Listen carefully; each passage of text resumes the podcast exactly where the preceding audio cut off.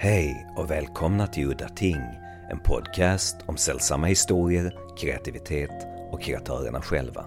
Mitt namn är Henrik Möller, musiken är skapad av Testbild och loggan till podden är gjord av Malmökonstnären Nalechinski. Det här avsnittet ska handla om You unlock this door with the key of imagination. Beyond it is another dimension. A dimension of sound. A dimension of sight. A dimension of mind. You're moving into a land of both shadow and substance, of things and ideas. You've just crossed over into the twilight zone. Många är det som har hört det här introt, men jag gissar på att de flesta associerar den med en viss tidsperiod.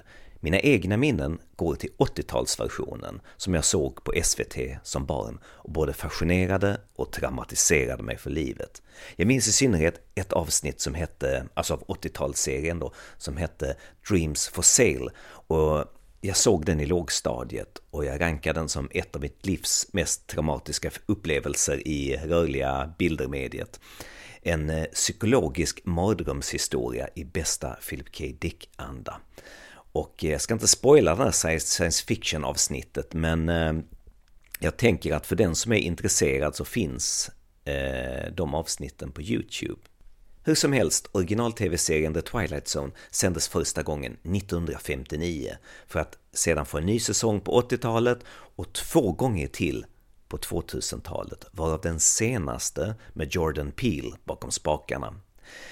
The Twilight Zone är för de som inte känner till det här en tv-serie där varje avsnitt är en fristående del och handlar lite kort om vanliga människor som möter det övernaturliga som på ett eller annat sätt förändrar deras liv. Ibland kan det handla om, handla om intressanta dilemman, som till exempel paret som får en liten låda levererad till sig och förklarar att inuti den här lådan finns en knapp, om man trycker på den knappen så kommer det hända två saker.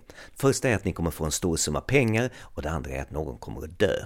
Men med försäkran om att den som kommer att dö, det kommer vara någon som ni inte känner.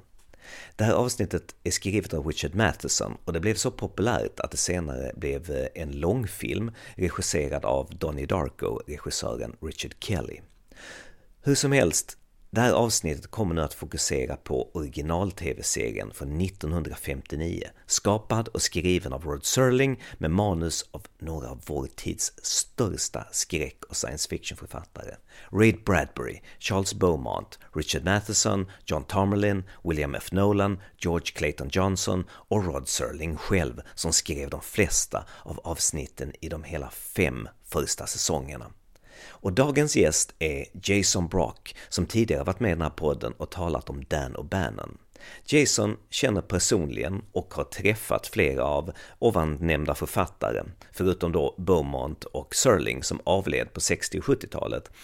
Eh, han håller just nu på att avsluta en tjock bok om The Twilight Zone och alla reinkarnationer av den tv-serien genom tiderna. Så att jag tänker att jag ska lämna över ordet till honom nu So, how do we start? Should we start by talking about Rod Serling?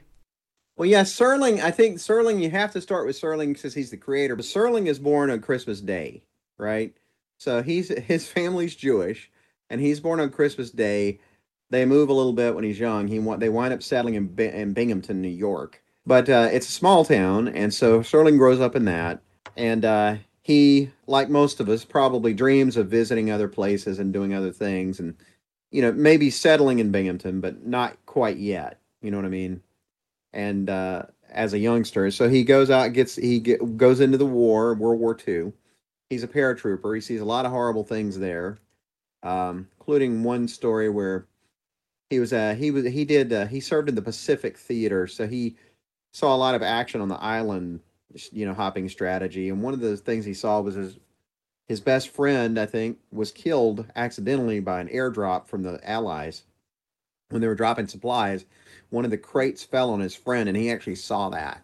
You know, so he saw a lot of horrible things. And so I would say that Serling, and this is just my armchair psychoanalysis, uh, he was suffering from probably somewhat a bad case of PTSD, as we would call it now, you know, when he returned and so what happened was one way he did this, even though he wrote a little bit when he was younger, he he really poured himself into writing. and that led to an interest in you know getting involved with media, which he did on the radio, and then eventually he got into television, which at the time television was very new, and it was centered in New York. You know, so he started writing teleplays. Then he had a really big breakthrough with Requiem for a Heavyweight, and I think that was his 72nd teleplay. So this was not an overnight phenomenon. but that was uh, at the time television was you know a monocultural event in a lot of ways that it is not now because it's been so balkanized so to speak and um, so when he he became very famous as a result of this and he went on to win other he won a grammy for that so he went on to win other i mean not a grammy excuse me an emmy for that so he went on to win other awards you know he's one of the most decorated television writers in history. And so he went on to do other things and write other th- write novels and you know which you know he never quite got out there. Uh, do films. Of course he's famously attached to planet of the apes and things like that. But he you know so that was he was kind of a he was like the center of all this. Now during that that was for television and media but you know you had these other big names of course that were starting to come out or had come out before him like ray bradbury and people like that he was like probably the one of the biggest dogs. And so, how do I describe this? In the case of people like Serling and Bradbury and Nolan and Johnson and Beaumont and Matheson, they grew up reading the pulps, right? And wanting to be involved in writing pulp literature and pulp stories and all this kind of thing. So they did a lot of them. You know, Matheson actually had a few stories published in pulp magazines. Bradbury, of course, had a lot of things in pulp books, but also he had things in like really mainstream things, you know, and Ladies Home Journal and McCall's and all these kinds of things. And so Bradbury was very well respected, and so they gravitated toward Ray because most of the group members were from somewhere else, not Los Angeles. You know, Serling himself was from, you know, New York State, wound up in Los Angeles. Bradbury is a native Los Angelino, but like Nolan and Johnson and Matheson and Beaumont, all of them came from other places. Like George Clayton Johnson, you know, he came from Wyoming. He's from Cheyenne. Bill Nolan came from Kansas City by way of San Diego. You know, Beaumont, he was from Chicago and uh, had other places that he stopped, you know, in Washington State and Alabama before that. And John Tomerlin, I think, was from Bakersfield, if I remember um, and then Matheson was from New Jersey. Okay, so they all wound up, you know, not knowing each other. They all wound up in Los Angeles mainly because of their interest in Bradbury and, you know, like movies and stuff like that, because they were all children of the movie and, you know, pulps and that era. TV was not a big influence at the time. So, and radio was, however. And so they got involved. They all wind up meeting Bradbury, and then Bradbury is called upon by Serling to write for the Twilight Zone once it once it gets going. And so Serling said, "I'm writing all this stuff under contract, but I need some more writers." And he solicited Bradbury, and Bradbury said, "I'll write you some, but I have some people that might interest you as well, who would be maybe strong writers." And so he recommends Matheson and Beaumont. And Serling does like their work and winds up hiring them to be famously a couple of the major writers for the Twilight Zone. And so when you look at the Twilight Zone breakdown, the first primary uh, catalyst for that engine was Serling. He wrote the most scripts. I think he wrote 92. I'm just spitballing these numbers off the top of my head. And then behind him, the next most number of scripts written was Charles Beaumont. Now, some of those were written pseudonymously because Beaumont um, became very ill when he was on the set primarily of The Intruder, which was by Roger Corman based on his novel. And that movie is interesting because George Clayton Johnson, William F. Nolan, OCee Ritch, Frank M. Robinson, a longtime friend of his, um, and Beaumont were all in the movie as actors. So that was a kind of a group effort film. And Corman was the one doing that. So they were branching into film as they were doing The Twilight Zone and other TV shows. Like they did The Rifleman and, you know, Wanted Dead or Alive and all these other shows that people um, Steve Canyon. You know, they were writing for TV all the time at this point, but their main thing was their main bread and butter was the Twilight Zone, and so that was what gave them their name and got their foot in the door. And then they went on and did other things later. But that's how it all came together. Is they found Bradbury and Bradbury recommended them to Serling. Serling liked what he read and started working with Beaumont in particular and Matheson as well. And then uh, Matheson wrote the next most after Beaumont, and then after after Matheson, it was uh, actually Earl Hamner Jr., who was a friend of Serling's from before the Twilight Zone even existed, because they had worked together at different places. So it's it's an interesting web of how these creatives came together. And then the the George Clayton Johnson is the last major writer as far as like multiple things. He wrote four Twilight Zones, and then he stories were based on his for four others. Whereas Earl Hamner Jr. gets short shrift a lot of times because people don't. His stories are a little bit different. They're a little they're interesting in some ways though because they have that southern bent. But he actually wrote fully himself eight Twilight Zones, so he actually wrote more than Johnson. So, how did they work? Were there like an equivalent of a writer's room where they talked ideas and wrote? They didn't quite work in a writer's room like we understand it now. The creative arts, unfortunately, has become like very collaborative. It's gotten to where it's become kind of a write by committee sort of thing. You know what I mean? Which is unfortunate in some cases because a lot of times a narrative is best propelled forward by a singular vision. You know, it's like if you have like four directors on a show that's not an anthology series, just a one hour TV show. I mean, it could get very convoluted real quickly with a, all these different directors saying. I'm not really a big fan of this kind of committee room style writing thing that happens. I think that happened more once comedy started to become a, a stock and trade because comedy writers tend to be a room pinging jokes and things off of each other. But drama and things like that, I think, and horror or things, tend to be, I think, best if it's from a singular vision. You know, you may have someone else adapt it again, but it seems to work best if it's if there's fewer cooks in the kitchen, so to speak. How did Serling pick his material? Some of those iconic episodes I know that were based on short stories by Charles Beaumont, like Perchance to Dream, The Howling Man, but of course the other guys as well, like Richard Matheson. Uh, some of them were like that, and then so he would read. Serling would was reading his ass off all the time, you know, to find things. And he already had been interested in the pulps and things when he was younger. People think he wasn't, but he did read science fiction and horror. But he had to really pour into doing that a lot more, you know, as the Twilight Zone took off, because he was contractually obligated to write like some crazy number. Like I'm just pulling this out of the air, like eighty percent of the stories, right? So because his name was the draw. You know, Rod Serling's The Twilight Zone, right? The Twilight Zone itself now is iconic, but back then it wasn't. You know, it was always in danger of being canceled every year. You know, even though it won Emmys and stuff like that. Uh, but you know, it was never uh, popular in the way that we think of things now because it was different. You know, back then the main thing was like westerns. You know, I mean, it was like a surfeit of westerns every everywhere. You know, in cinema, in TV, and all this kind of stuff. And the big stars were Western stars, and you know, or these big epics, you know, like Ben Hur, you know, the remake of Ben Hur, or something like that. It wasn't that science fiction had always had a place, so to speak, since like the twenties, but it was not like it is now. You know, the main fare now. I remember John Landis when I interviewed him for the Charles Beaumont documentary we did. Landis was saying, you know, mostly I'm paraphrasing here, but he says mostly these movies we see now are B pictures with A budgets. You know, so they've got the B picture kind of plot, you know, but the and and the subject matter, you know, the pulpiness, quote unquote. But they have these A-list budgets, you know, where they're pouring millions and millions of dollars, tens of hundreds of millions of dollars into these things, right? So it's a real different kind of mindset than it used to be. It used to be you flung up this picture like a Corman or an AIP film.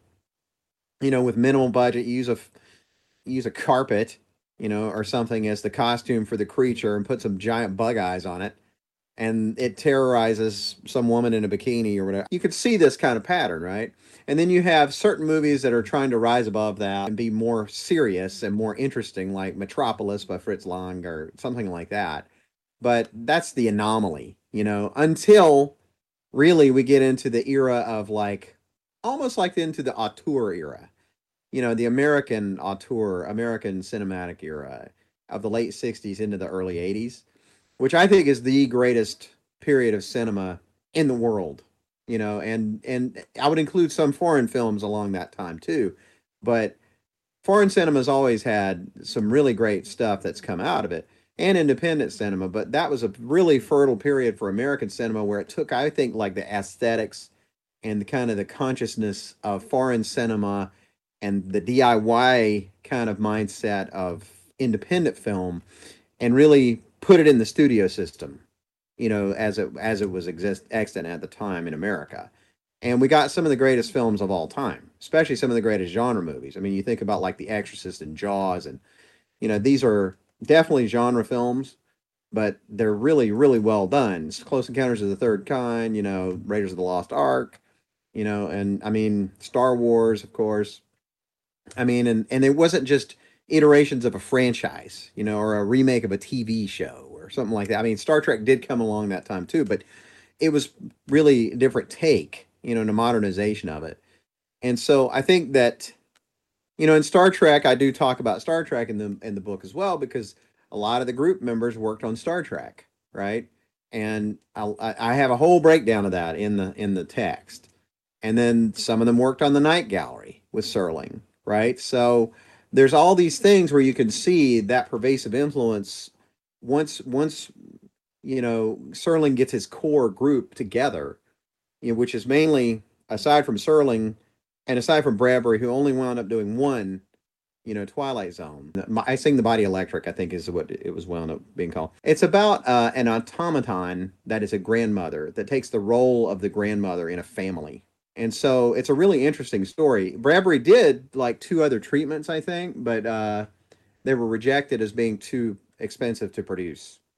And they had an he had an agreement with Serling that Serling wouldn't alter or cut any of his work, and Serling had to do some of that just because Bradbury, as Serling has a saying, which I'm paraphrasing here, he says.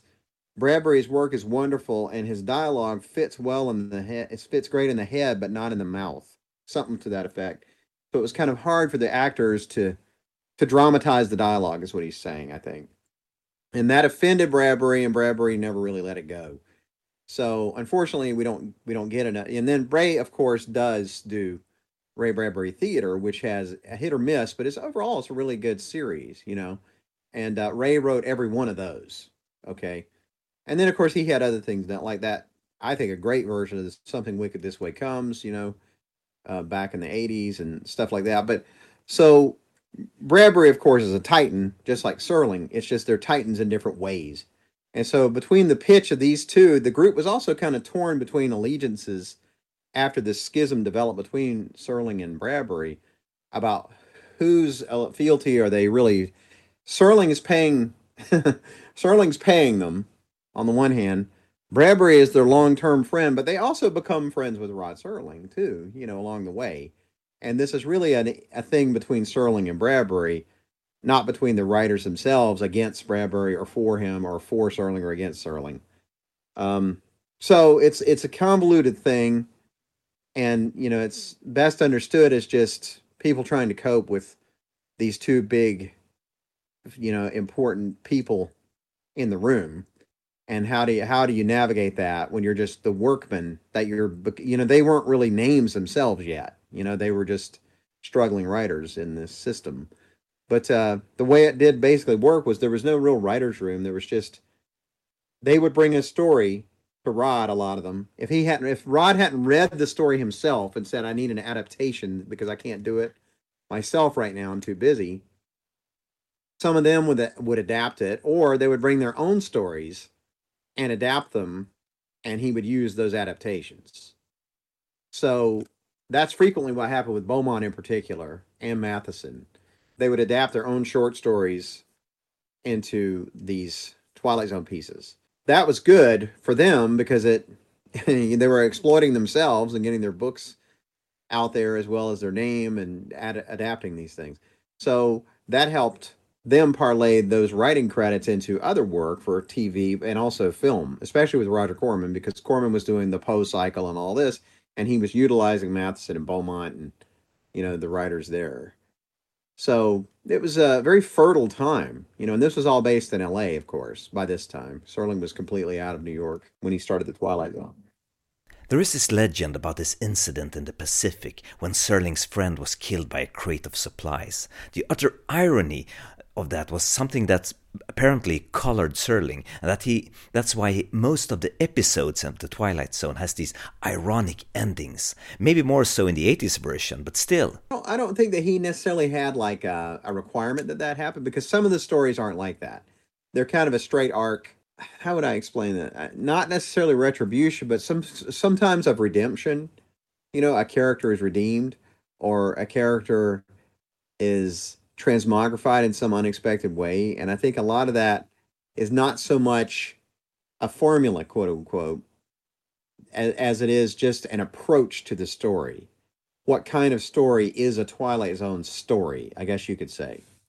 Um, and what is a story that's a Twilight Zone story? I mean, that's a good question. I mean, a Twilight Zone story is usually normal people kind of trapped in a circumstance that they are not necessarily the creators of. So they're like a worker or just a person going about their normal day. And then something extraordinary happens to them. And it's basically how do they react to that? What do they do with this new information? I know that Richard Matheson had like a paraphrase again, I'm going to say uh, you have a suburban couple in the kitchen and you have I know one important rule. They did have one important rule that I'm aware of in the group, and that was only one element of the weird or uncanny. Eh, there can only be one element, and you have to understand certain aspects of this element, like why today? Why is this thing happening at this moment today? Why didn't it happen yesterday? Or why isn't it going to happen tomorrow? Why is it happening right now to this character? So that's core to it. So if you look at those two aspects, why today? In other words, what's triggering this or motivating it? And why are these circumstances? Even if it's a rich character, what is it that's going to be their undoing? So I think of like the Masks by Rod Serling. That story where they they're all very greedy group of people and they're waiting on their that the main protagonist character, the uncle or whatever, the grandfather, to die. And he says, I have this one request. You must wear these masks, you know, for X number of hours, and then you can have whatever. And so they put on the masks, and when they remove the masks, their faces are permanently, you know, changed into what the masks were. And the masks externalize what their hearts are like internally. Okay, so that's a really interesting story. So you have this rich guy telling his well off, you know, grandchildren or whatever it is. I can't remember the conceit right now, but that in order to gain this thing, they have to do this other thing and those are the conditions. And so that condition is met, but the the ultimate irony is, you know, careful what you ask for. I guess is the best way to sum it, right? And so they get what they want, you know, which is the riches, but they're also marked from then on by being just these disfigured representations of what their actual goals and their interiors are like. So that sort of O. Henry esque kind of comeuppance is is key I'm not sure that there was a requirement, you know what I mean? But it was something that definitely was animating a lot of the stories. So it's it's multi-tiered, but I think the most the two most important things are why today and only one supernatural element. To get back to the Matheson quote, he would say he put a character like a man and a woman are doing breakfast in their kitchen and uh there a hand comes out of the sugar bowl. right? Like a creepy hand. And so what do you do with that? So it's and, but that's all you need. You only need the creepy hand coming out of the sugar bowl. You don't need like also there's an alien outside trying to break in and you know and a superhero comes by flying by seeing her. You know, you don't need 20 elements of the strange or uncanny or macabre. You just need one. You know, and because what's going to happen because the story really all the stories in the Twilight Zone, the best ones at least, hinge on the human characters' reactions to everything and how they navigate life once they're once what they understand from before is changed. What are your favorite Twilight Zone episodes? Some of the big time classics, but The Masks is, is one. I think my all time favorite episode is probably The Howling Man. I think that Beaumont's adaptation of his own story is actually an improvement. Um, the way he chose to emphasize certain things or whatever, the story is great. But then the Twilight Zone treatment is even better, I think you know, and so and Beaumont did his own adaptation in that case. Um, So I think The Howling Man is really good. It does a lot about this, you know, careful what you ask for kind of thing, and why today, and what is it that's happening with The Howling Man. The Masks, like I mentioned, is another one. Of course, Nightmare at Twenty Thousand Feet is a great one. You know, with the gremlin on the wing, everybody remembers that, and that's that's based on a true story. The Charles Beaumont, William F. Nolan, and John Tomerlin were on a trip, and they were flying from the states to like this. I can't remember what it was. It, uh, what was it? Was it like some kind of racing event, like in Le Mans or something in France, or I can't remember exactly where they were headed.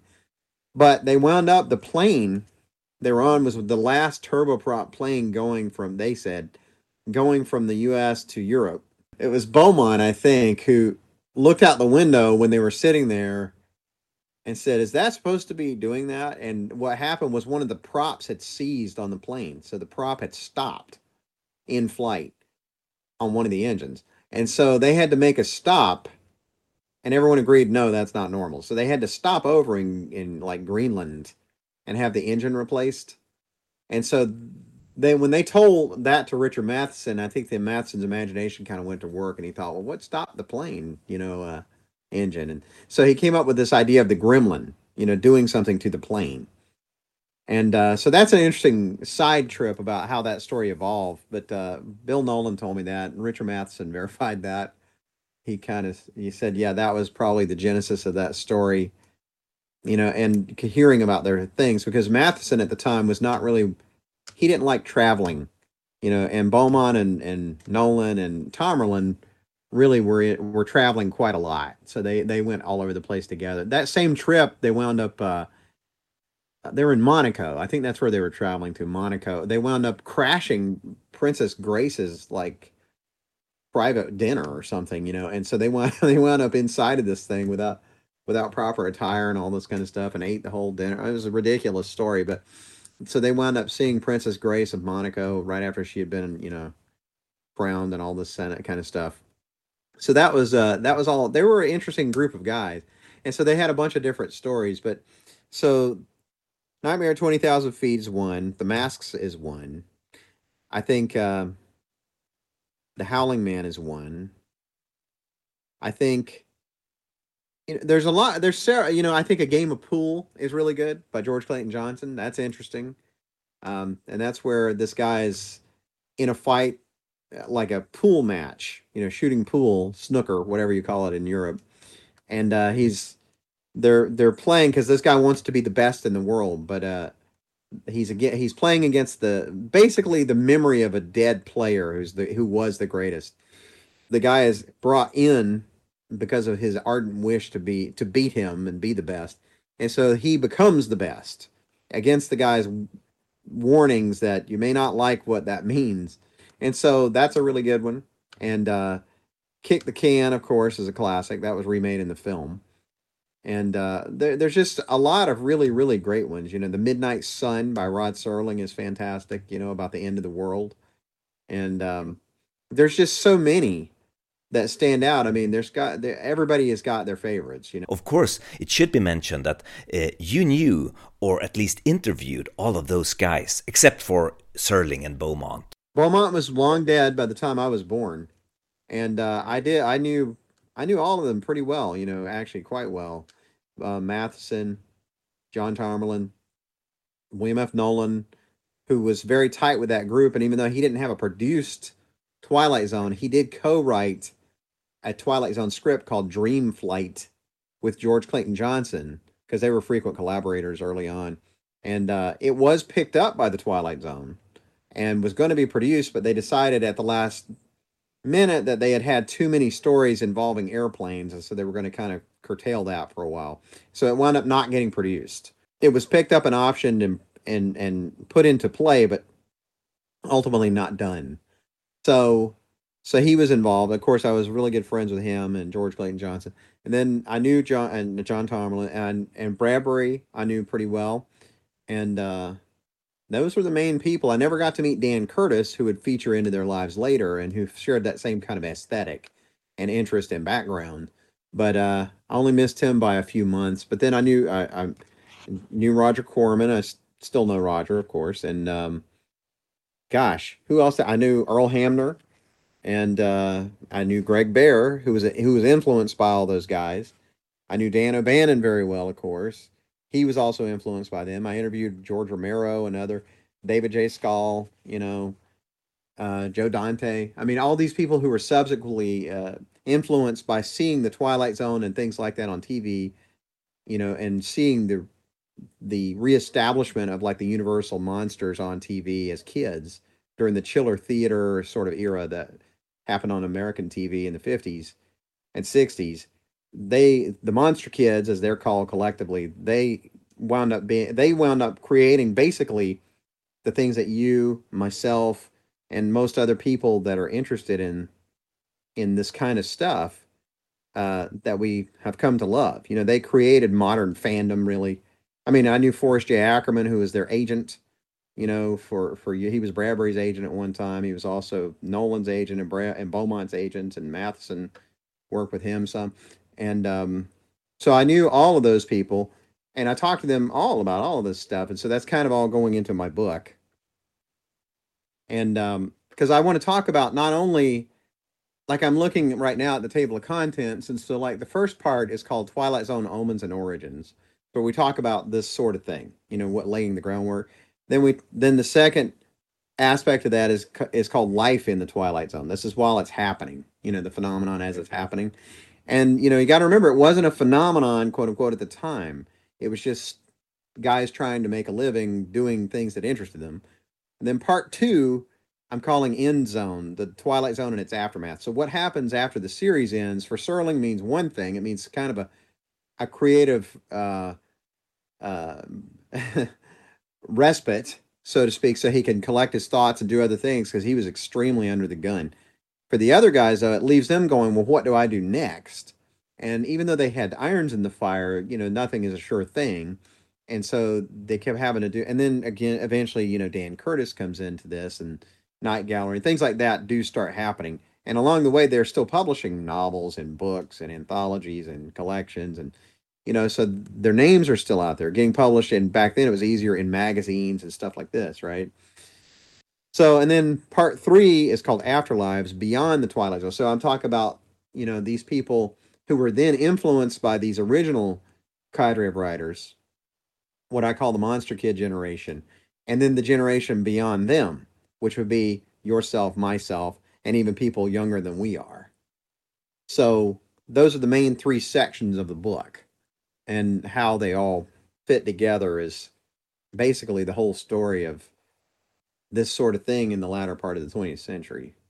The other really cool show that Serling produced was Night Gallery, with adaptations of H.P. Lovecraft and Clark Ashton Smith. Bill Nolan and I used to argue about this because I was like, well, he's like, oh, the Night Gallery wasn't as good. And I'm like, well, Night Gallery, I think, was in a lot of ways just as good. And there's a good book about Night Gallery called Night Gallery, Night Gallery and After Hours Tour.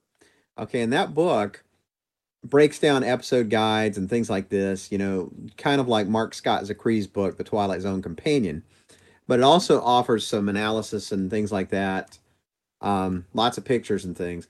But it talks about motivations and interviews a lot of people that were involved, including the directors and things like that. And the, there were so many directors and things I only knew just a little bit or didn't get a chance to interview that were also working on the Twilight Zone, like Ted Post and stuff like that. But you know, some of them and Jean-Jacques Swart, you know, worked on on Night Gallery and stuff like that. I didn't get to talk to or interview those people, unfortunately, but I know people who did, and I've, I'm familiar with their work, and I've read interviews by them. And so, yeah, the thrust of Night Gallery was quite different. You know, Twilight Zone was more, I would say, science fictional and more fantastic. You know, so like I, I think of my own fictional output as kind of like dark magical realism. And I think that the Twilight Zone is sort of like that. It's got a dark magical realist elements, right? Where, like I'm saying, and why today, why these characters, uh, careful what you wish for, cautionary tales in a way, right? The, especially having to do with um, technology and the way people interact and you know this sort of thing. Now, whereas Night Gallery is much more of thrust in the horror mode, horror and dread, I would say. And so they do actual adaptations of Serling and, you know, um, they do Logoda's Heads, which was uh, Derleth, and you know, so they there's lots of different horrific, uh, more dread than just discomfort or unease about what's going on in life. And you got to think of that reflection, like I was saying earlier. You know, in the 50s and 60s, America was more on an optimistic bent. You know, coming out of the war, you know, World War, and the boom generation was happening, the boomers. And so we were more on an optimistic upturn. And then by the 70s, late 60s into the 70s, which is when Night Gallery happened, other things had changed. You know, Kennedy had been assassinated. By this time of Night Gallery, you're talking about Martin Luther King had been assassinated here.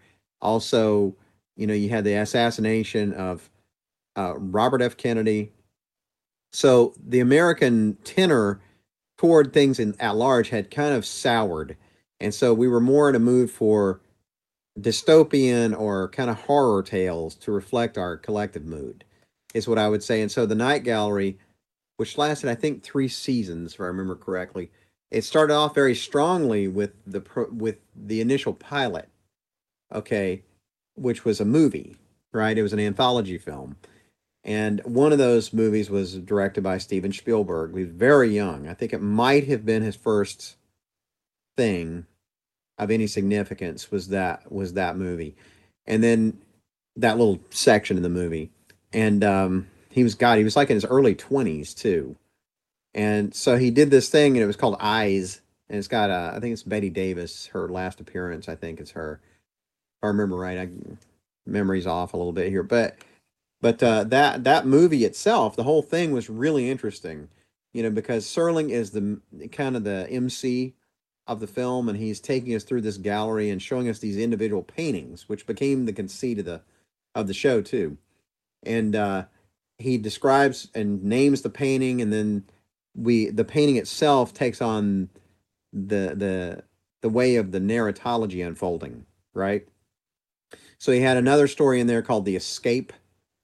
I think Serling wrote all of these by himself. And so he, uh, The Escape was b- about a Nazi who does this kind of, uh, I guess you would call meditative thing where he kind of gets into the painting, stares at the painting, he becomes part of the painting.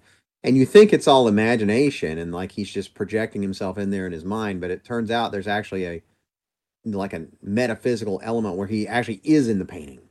Okay, so that's I'm not giving anything away if nobody's ever seen it, but that that introduces a horror element later. Roddy McDowall is in one called I can't remember it's the cemetery. I want to say it's called the first segment in the movie, and in the cemetery it involves a painting, of course, and you think it, it, it turns out it might be a ruse, but then at the end it, it may actually be true what's happening. So there's this element of is it reality? Is it not reality? Is this like mental illness? You know, is this you know characters being cruel? And so there's all kinds of real interesting things like that. But of course, Serling did all the adaptations and the original stories. But yeah, it was all he wrote the first, you know, pilot by himself, and then he would get other people to collect. And unlike because of his experience with the Twilight Zone, another thing that was major difference between Night Gallery and Twilight Zone is the tone of each individual episode. So you have some brilliant work by Serling during this period, like they're tearing down Tim Riley's bar, which is a fantastic piece, which kind of is a callback, in my estimation, to the Twilight Zone in that you have things like Walking Distance and Twilight Zone and a Stop at Willoughby, two classics by Serling, which I think are also great, but are not horrific or science fictional, right? They're just fantastic kind of uh, takes on uh, nostalgia and reminiscence. Well, and they're tearing down Tim Riley's bar. You have more of a darker edged version of that. It's also very well done. He was actually nominated for an Emmy for that too. Um, so the Night Gallery, and of course, Night Gallery is in color. Okay. Twilight Zone was not in color because nothing was really shot in color back then. It was not necessary. This you could have shot in black and white, but by then the the Vogue was color television, right? So we have color for the for the Night Gallery, which we didn't have for the Twilight Zone, and that I think that adds some to it. Adds to it adds to the the realness of it and grounding of it in the modern, but it also takes away because it's not as artfully done in some cases. You know, because it's not doesn't have that noirish sort of feel that a lot of the really good Twilight Zones have, uh, just by dint of having to use, you know, black and white and all that kind of stuff. So it's not as cinematically compelling. It's more like TV than a movie. Does that make sense? Twilight Zone seems almost more like cinematic fare, you know, the way it's done. So I think that Night Gallery was definitely of its time, and I think it, it, it holds up extremely well. I think it's just as good as the Twilight Zone. I just don't think that people give it as much attention. But another reason they don't is, like I was saying, the tone. Because whereas the Twilight Zone was like a half hour block or an hour block in one season of one narrative with commentary, these have a little bit of that commentary with Serling's intros and outros, but they're usually broken up by these things that are like vignettes almost, sometimes of a comedic nature. And a lot of those vignettes were created by the producer because Serling no longer wanted to be, even though he allowed them to use his name and he wrote, he didn't want to really be involved in the production anymore. As far it was too much for him, you know, as far as like responsibility, he had other things to do. So he abdicated that responsibility mainly to a guy named Jack Laird, who had worked on Marcus Welby, MD, and all these other things. But uh, Laird didn't really care for Serling's writing, and so which is strange. But you know he uh, didn't work that great with Serling on some of these things, and so they were at loggerheads quite often. But Laird, Jack Laird, did insert these things and these comedic things to kind of, uh, I guess, lighten the mood in some cases. And I think, excuse me, sometimes I think it works great like their their work, and then other times it just bombs, you know, and it just does not help the whole feel of the of the entire episode. So it's hit or miss. So I think that kind of harmed the reputation of Night Gallery. But if you get beyond that and understand the context of it, some of the writing is very, very good. I heard there was some tension between the other writers and Serling and some falling out. Yeah, I'll start with Bradbury because that, that's the easiest thing to do. Bradbury and Serling started off gangbusters, right? and I talked to Bradbury about this directly, actually. And he said that over time he felt that Serling was a person who was not, not this is not my opinion, this was what Bradbury told me, that Serling was not a person of his word. Like he would not keep his word. And that mainly stems from when Serling said he would not touch the Bradbury dialogue and he wound up having to do it anyway and blah blah blah. Their their good relationship did sour and it never really recovered. And so they kind of just went on and did their two different things because they were both, like I said, very, very big deals, as we all know. With Matheson, Matheson always had very nice things to say about Rod, you know, and uh, I never, unfortunately, got to talk to Rod. I was just a child when he passed away, but uh, I do know his his daughter Anne, and she's very sweet and a really good writer herself. Her she did a memoir about him I think it's called Rod Serling as I knew him. I think, and but uh, anyway, her memoir is beautifully done and very well done. I mean, it's a, it's an excellent book as far as like talking about growing up with him and all his you know situation and stuff like that. But as far as like Beaumont, who worked with him a lot, their relationship started out great, Rod and Beaumont. Over time, he came over more to the side of Bradbury because he had known Bradbury longer and he started thinking that maybe Serling was, you know, not up to the task and wasn't was basically what I would say is he kind of felt maybe Serling was a little bit of an interloper, and he was a little bit maybe sounds to me gatekeeping, you know, the genre elements of it, and felt like Serling was kind of interloping on their territory with the Twilight Zone and exploiting it. But I don't think that in all the writings and things that I've read about Serling and his personal opinions and biographies and things, because I've read several of these things for this book, which I'll have in the book. I'll have all the cite. I'll cite all the sources, but I don't think that's true at all. I think Serling had an interest in all this stuff, and then he finally found an outlet. Is what actually happened, and uh, he did stick with this consistently, even after Twilight Zone ended. He did do Night Gallery. He did do you know, Planet of the Apes. He did do other movies that had elements of the fantastical in it throughout his entire career. I mean, he never really abandoned this. So, did he do more serious dramas and things? Of course he did. You know, that's where he started. But that doesn't mean he didn't have this uh, interest in the fantastic or science fiction to begin with. I, I do think he did. But so Beaumont sort of fell on the side of Bradbury over time And I don't think that his relationship with with Serling was bad, but I think that it was not as good as it began. Matheson, on the other hand, I think stayed. There was never any problem there that I've ever heard of from Rich, or he always had great things to say about Rod Serling, you know, and um, so I never detected any problems there. And I know Bill Nolan greatly admired Rod and thought he was fantastic, right? Still was very good friends with both of them, Matheson and Bill. Still were very good, close friends with Ray Bradbury for their entire life and Ray's entire life. But they both felt that Serling was a was a top notch, classy guy and counted him as a friend. Same for George Clayton Johnson and Earl Hamner. They both had no issues with Rod. I know George in particular had great love for Rod Serling personally. And uh, this is a weird anecdote. You know, George Clayton Johnson, who was a dear friend of my wife and and me, and of course of Bill, they uh George he when he was ill in his final days, he was in hospice. And I'm not giving away anything here, but um he was not uh, um out conscious okay for a lot of that i didn't get to see him at the very end but i did see him shortly before that and he uh he woke up. My understanding from his son is that he woke up at one point and asked what what day is this? And it was like i don't know the 22nd of december. And then he fell back unconscious. But uh he died on december 25th and I think that there's a reason for that. I think, in one sense, he wanted to be around for his family during Christmas, and and and not to miss that final thing there. That's one thing. But I also think that it was important to him that he pass away on the day that Serling was born. I really believe this.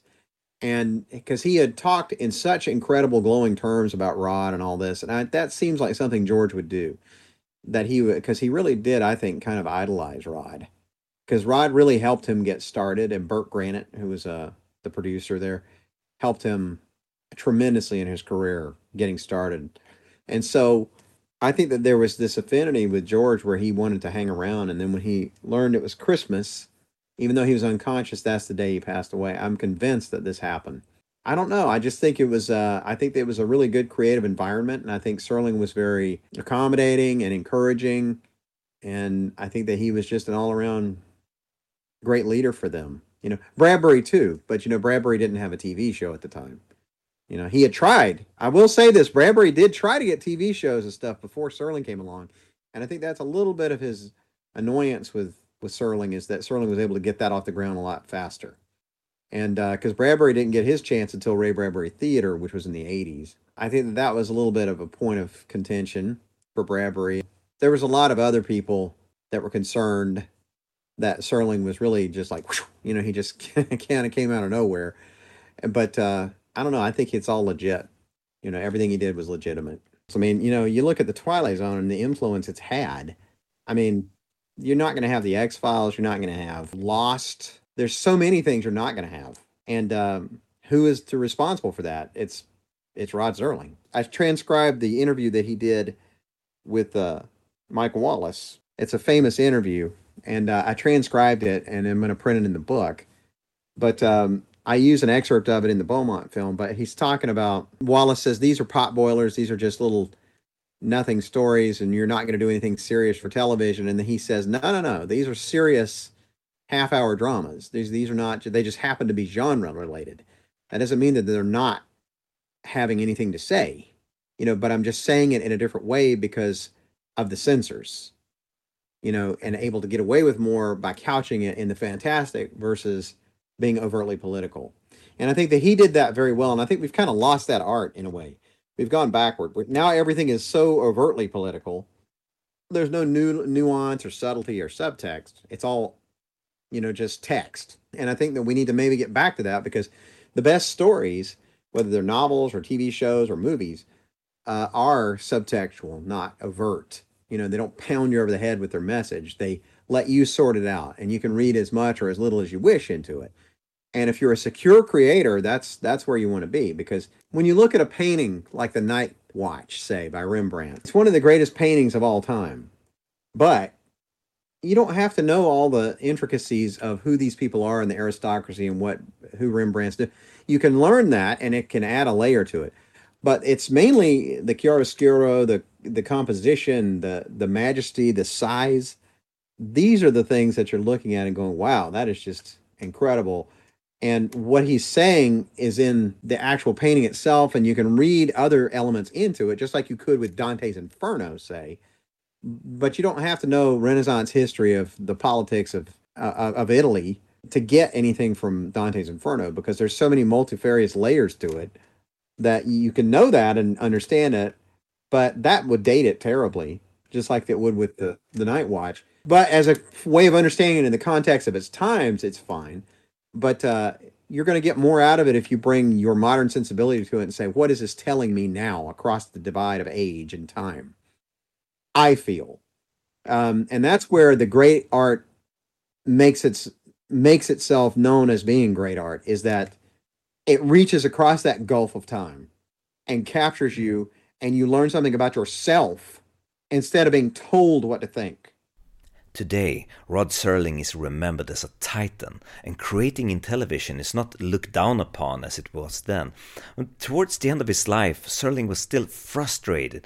Even though he was a decorated TV producer and writer, he wanted to write plays, or at least something more respected, and clinging to what he knew best, he finally burned himself out, and the creative genius with all of the ideas felt himself empty and he died of a heart attack, only 50 years old. And I would like to end this episode with a few comments from some of Serling's contemporaries. Rod never gave himself a break. He didn't trust enough in his own talent. Part of Rod wanted to be Eugene O'Neill, Arthur Miller, but Rod never took the time to say, I'm going to write a play and I'm going to put it all out there he never really entered the tournament. So he could never win it. One of Serling's favorite characters to use was that of the, the tired, worn out, basically decent person who's sort of come to the end of his rope, uh, who feels that he no longer has anything more to contribute, that nobody cares for him. I'd say that that character was somewhere inside Serling, that toward the beginning of his career, he was afraid that someday he would become that that character. And toward the end of his career, uh, I think he may have believed that he had become that character. Ja, och med de orden så var det slut för den här gången.